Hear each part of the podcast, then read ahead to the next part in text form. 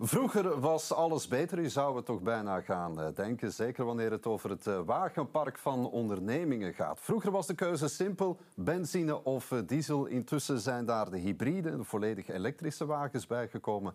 Er is ook het aspect van het mobiliteitsbudget. Kortom, vroeger was het misschien niet altijd beter, maar wel eenvoudiger. Zeker voor HR-managers en fleet-managers binnen bedrijven. We praten er vandaag over in deze nieuwe aflevering van Bus, de podcast van eh, DVO, de Vlaamse ondernemer met eh, Koen van de Putten van eh, Olympus Mobility en Lara Snauwaard van VGT, financieel adviesverlener. Maar Lara, ik heb begrepen dat jullie aan verbreding zullen doen. Ja, uh, eigenlijk is VGD inderdaad initieel gestart als financiële dienstverlener, vooral accountancy en audit.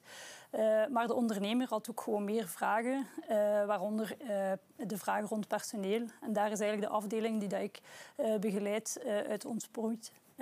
waarbij dat wij de, de ondernemingen HR-advies verlenen. Ja. Ik ben, of ik klink een beetje als een oude bronpot. Hè. Vroeger was alles beter. Dat is natuurlijk niet, niet waar maar het was wel eenvoudiger. Daar heb ik een punt, hè, denk ik. Dat klopt. Het was vroeger eenvoudiger, maar nu is het wel beter. Het is meer toegespitst op het personeelslid. Het is meer toegespitst op uh, de mobiliteit van vandaag de dag. Alles evolueert, onze maatschappij, onze files evolueren. Andere mobiliteitssoorten ontstaan. Een nieuwe fiscaliteit ontstaat om dat te ondersteunen. Dus het is nu wel beter, maar minder eenvoudig. Ja. En dus meer werk voor de boeg voor jullie dan? Uh. Ja, wij hebben eigenlijk uh, gemerkt dat die tendens ook gaat van de fleet manager. Die zat vooral onder de boekhoudafdeling, omdat dat heel vaak met kosten te maken had. Maar door de, ja, de, de, de, de trends in HR, waarbij dat work-life balans belangrijk is, maatwerk wat betreft verloning belangrijk is, is daar eigenlijk veel meer ja, HR best practices in uh, bijgekomen.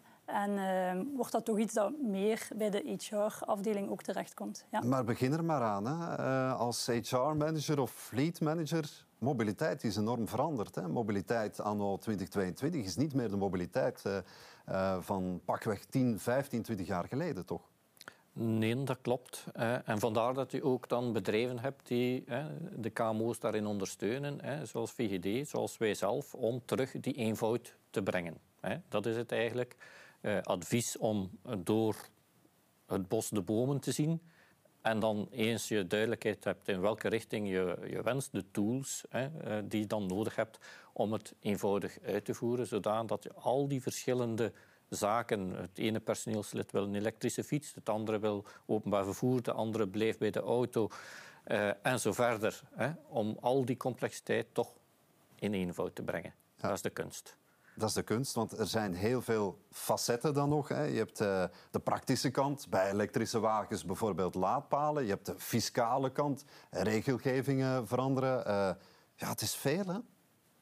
Ja, het is veel. En, en we merken ook bij de KMO's dat, ze dat het heel veel vragen oproept. Ook de elektrificatie van het wagenpark, maar evenzeer het mobiliteitsbudget, waarvoor dat we samen dan met digitale tools het simpel proberen maken. En waarbij dat ze echt wel die nood hebben aan zeg mij wat ik moet doen, want hier wil ik naartoe. Ik, ik snap dat dat nodig is voor het klimaat. Ik snap dat het nodig is voor de arbeidskrapte, want uh, we merken ook daar, we moeten uh, ja, personeel gaan zoeken, niet meer binnen de stad, maar misschien binnen België of zelfs buiten België. Dus mobiliteit en flexibiliteit uh, wordt gewoon ja, een, een heel belangrijk topic daarin. Ja, is de grootste verandering de elektrificatie van het wagenpark? Zijn we het daarover eens? Is dat dan de de grootste verandering momenteel? Het is vandaag de dag alleszins iets dat bedrijven heel erg bezighoudt. Bedrijfswagens zijn in ons land uh, algemeen gekend en, en uh, zou ik maar zeggen, praktijk. En door de fiscaliteit die wijzigt, hè, ga je naar een elektrificatie. Dus de bedrijven zijn echt gedwongen hè, om die stap te zetten. En die stap brengt toch heel wat uh, ja, puntjes met zich mee die moeten opgelost worden. Ja. Het tweede deel dat daar komt, maar dan minder dwingend, is het mobiliteitsbudget, wat meer als een opportuniteit komt. Vat nog eens samen, wat is dat concreet? Mobiliteitsbudget? Wel, mobiliteitsbudget is eigenlijk voor een ieder die recht heeft op een bedrijfswagen de mogelijkheid om dat om te zetten in een budget. Een budget, een, een som geld die je krijgt, waar, die je dan kan besteden in drie pijlers. Een eerste pijler is toch ook nog een wagen. Maar dan wel een milieuvriendelijke wagen met een CO2-uitstoot lager dan 95 gram. De tweede pijler die belangrijker is, of, of even belangrijk, is dan uh, het budget kan je besteden aan uh, duurzame mobiliteit en huisvesting. Zeer belangrijk, want uh, dat is toch een grote som geld die vrijkomt. En die krijg je dikwijls niet alleen op aan, aan duurzame mobiliteit. Je kunt geen vijf elektrische fietsen kopen voor jezelf. Hè. Maar als je je hypotheek kan afbetalen of de huur van je woning of appartement met je mobiliteitsbudget, dan is dat een absolute topper voor het personeelslid. Krijg je toch je budget niet volledig op, dan heb je de derde pijler. Dat krijg je in cash uitbetaald uh, het volgend jaar. Uh, in januari met uh, een beperkte afhouding van 38,7 procent. Ik kijk even naar ja, de specialist. Met een blik, ja. Uh, dus, en dat is nog altijd voordeliger dan natuurlijk bruto loon, hè, waar, waar meer lasten uh, op zijn. Dat heeft een grote impact uh, voor de werknemer uiteindelijk, maar ook voor het bedrijf, hè? dat mobiliteitsbudget. Ja, de, één, het werpt veel vragen op vanwege de expertise. Maar uh, twee, het vraagt ook veel meer workload. Want inderdaad, welke uh, duurzame middelen, allez, welke duurzame transportmiddelen gaan we kiezen? En uh, met welke spelers moeten we daarvoor in zee? ook voor de elektrificatie opnieuw. Ehm, vroeger was het, we gaan naar de garage, we kopen een auto. En hier is er ook een tankkaart. Nu moeten we spreken met leveranciers die dat de hardware voor laadpalen voorzien, de software. Om om uh, ja, de, de, monitoring van het verbruik ja. te bekijken. Uh, en opnieuw ook uh, ja, partijen die het allemaal tezamen in kaart brengen om dat ene grote budget wel te monitoren. Nu, je gaf het zelf aan, Lara, laadpalen. praktische kant van het verhaal als onderneming. je hebt een werknemer die een elektrische wagen heeft, die de vraag stelt van ja, ik wil eigenlijk een laadpaal bij mij thuis allemaal goed en wel, maar wat gebeurt er dan als die werknemer na x aantal maanden of jaren vertrekt? Wat gebeurt er dan? Wel, um, eigenlijk start de vraag vaak anders, want we doen de oefening met bedrijven om die laadpalen inderdaad bij de werknemers thuis te zetten. Dus eigenlijk was dat het startscenario en wordt dat mee in rekening gebracht in de kost. Ja. Dus het basisscenario is, de persoon krijgt er een. Dat is vaak niet de vraag. Maar de vraag is inderdaad, uh, we komen dan eigenlijk in het privéleven van die werknemer terecht. Uh, huurt hij een woning, huurt hij een appartement, heeft die, uh, kan die wel een laadpaal zetten, waardoor dat je het wel als onderneming wil geven, maar je komt in zoveel scenario's terecht waarbij je voor iedereen goed wil doen en waarbij elke werknemer ja, een oplossing moet aangeboden krijgen. En als we dan inderdaad uh, kijken naar uw specifieke vraag, een van de scenario's is, ja, ik heb nu wel een woning, maar ik ga binnenkort verhuizen of ik ga samenwonen met iemand anders. Um, dan kunnen we daar inderdaad afspraken rond maken en best al op voorhand. En daar uh, kennen wij natuurlijk de best practices ondertussen in, waarbij dat er een bepaalde kost wordt aangerekend voor het verplaatsen, bijvoorbeeld van uh, de, de, laadpaal of het terug, uh, terugnemen van de laadpaal. Welke kosten zijn daaraan verbonden en bij wie gaan we die kosten leggen?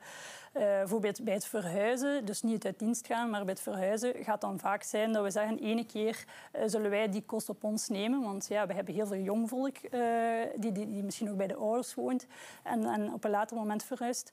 Um, maar de tweede keer, of als er andere zaken moeten toegevoegd worden, dan gaan we die kost ook bij de werknemer bijvoorbeeld leggen. Veel kopbrekers voor ondernemingen, toch? Hè? Ja, ja, ja.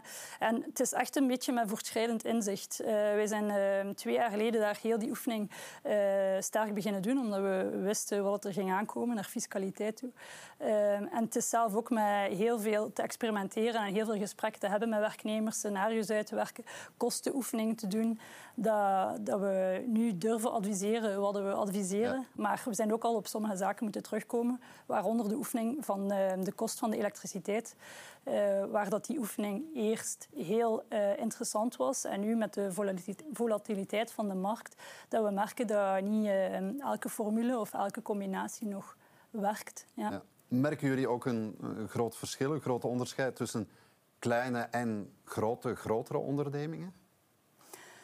Het grote verschil, en dat is een beetje wat wij jammer vinden en waar we eigenlijk nog voor aan het uh, een beetje vechten zijn, is dat kleine ondernemingen die starten, die daar eigenlijk zelf geen interesse hebben in bedrijfswagens en direct de jeugd wil meenemen in die duurzame mobiliteit, dat we daar met bepaalde voorwaarden van het mobiliteitsbudget zitten, waarin dat, uh, het mobiliteitsbudget uh, zegt dat er wagens moeten aanwezig zijn in de onderneming, los van de voorwaarden van de werknemer kunt je maar het mobiliteitsbudget starten uh, van zodra dat er wagens in de onderneming zijn die gaan ingeleverd worden. En daar zit je met een grote discriminatie tussen de kleine ondernemingen en de grote ondernemingen die al een heel groot wagenpark hebben. Moeten we het ook nog even hebben over het uh, fiscaal voordelige karakter van dat mobiliteitsbudget? Even kaderen. Wel, dat is gewoonweg zeer voordelig. Dat kun je nu wel zeggen. De huidige wetgeving mobiliteitsbudget is versoepeld begin dit jaar, op 1 januari. Uh, als je mobiliteit kunt besteden in pijler 2, um, ehm, bijvoorbeeld voor de afbetaling van je hypotheek, uh, dat is eigenlijk bruto is netto. Um, dus je hebt eigenlijk in plaats van een bedrijfswagen krijg je de waarde van die wagen, dat is dan het TCO-begrip, Total Cost of Ownership de, de waarde dat, of de kost dat die wagen betekent voor het bedrijf, die krijg je dan volledig als werknemer voor jezelf. En eigenlijk totaal onbelast. Totaal onbelast. Dus dat is, om eenvoudig te zeggen, super voordelig voor de werknemer en even uh, of gelijk voor de werkgever. Dus dat is, dat is, het voornaamste wat je eigenlijk kan zeggen over die fiscaliteit. Je kunt dat helemaal gaan uittypen en, en alles gaan uitzoeken van, van de kleine dingetjes. Maar grosso modo komt het daarop neer. Bruto is netto, super voordelig. Je moet het wel kunnen besteden. Ja.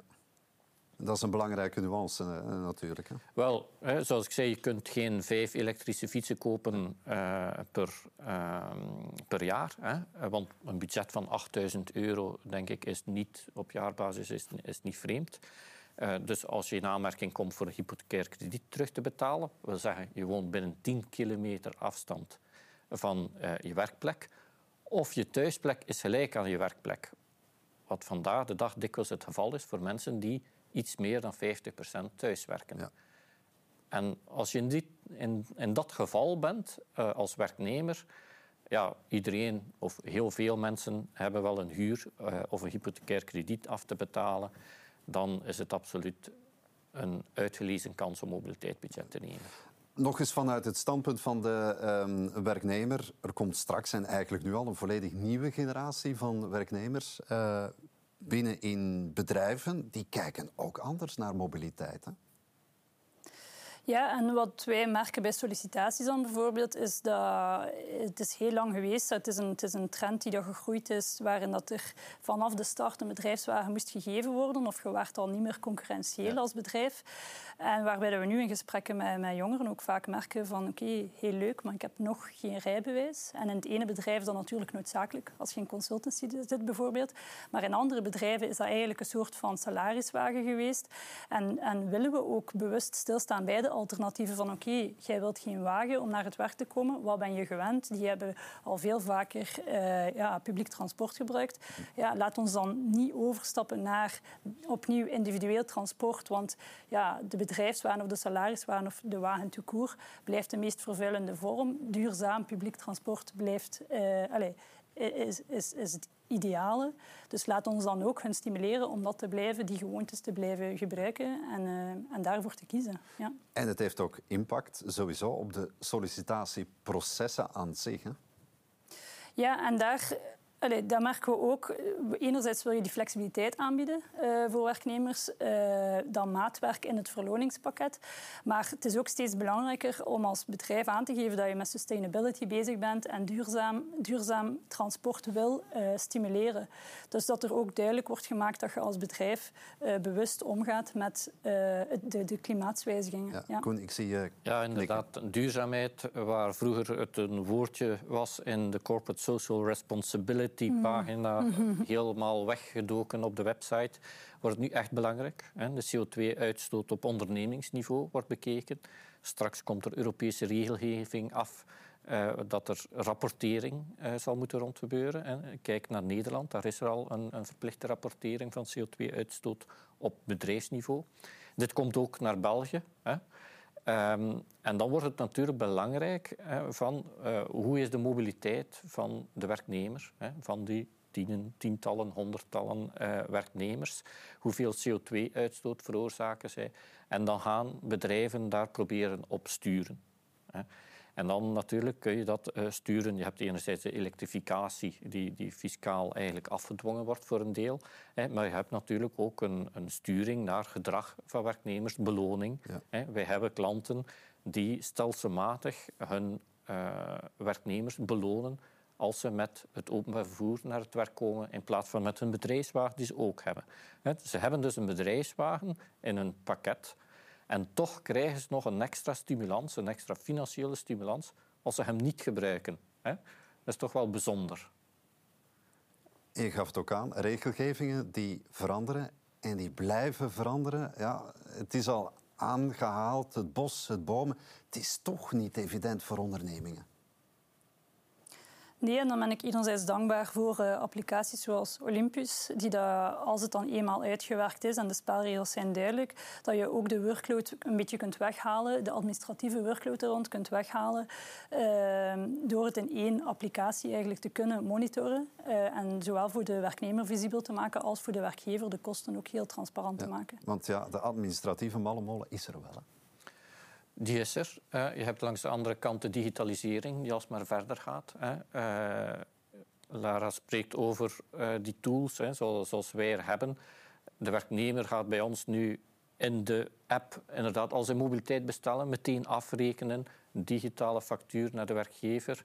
Uh, andere processen rond mobiliteitsbudget worden ook, en die complexiteit nemen wij op ons, zodat dat uh, bedrijf, die HR-manager of die fleet of mobility manager, niet meer de expert moet zijn. Uh, en, en dus breng je terug eenvoud. Hè. Dat, is het, dat is het spel van toenemende complexiteit die er altijd is, maar ook de digitale tools die, en, en processen die het vereenvoudigen.